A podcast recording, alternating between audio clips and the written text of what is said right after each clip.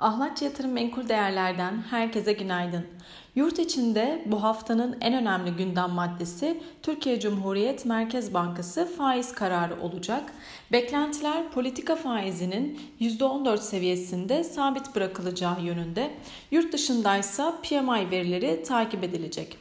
Kur tarafında dolar TL hafta boyunca 17.30-17.35 seviyelerinden işlem görürken euro TL'de ise parite etkisi kaynaklı 18.35 seviyelerine kadar yükselmiş durumda.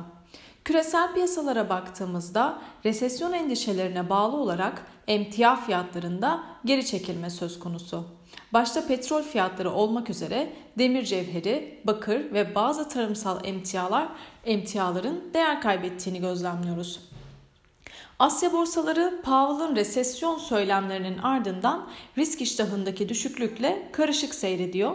ABD borsaları ise dün negatif seyirle kapatırken vadeli tarafta bu sabah yine sınırlı negatif seyrin devam ettiğini görüyoruz. Brent petrolde yine resesyon endişelerine bağlı olarak 107,80 dolar seviyelerine kadar geri çekilmiş durumda. 50 günlük üstel hareketli ortalaması olan 111 dolar seviyesinin altından işlem görüyor. Dolayısıyla aşağıda 100 günlük üstel hareketli ortalaması olan 106 dolar seviyesinin üzerinde bir miktar konsolide olması beklenebilir.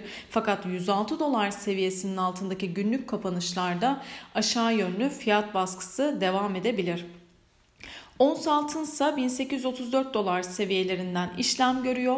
Powell dünkü açıklamalarında Amerika ekonomisinde resesyon riski olduğunu ve yumuşak inişin zorlu olduğuna dair açıklamalarda bulunmuştu. Dolayısıyla ons altın fiyatlarında da yatay bir seyrin hakim olduğunu söyleyebiliriz.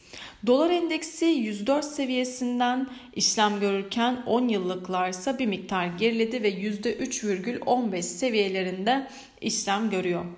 Endeks günü sınırlı negatif etkisiyle 2574 puandan kapatmıştı. Bugün için aşağıda 2550 destek olarak takip edilebilir. Yukarıdaysa ilk etapta 2600 seviyesi önemli bir direnç konumunda.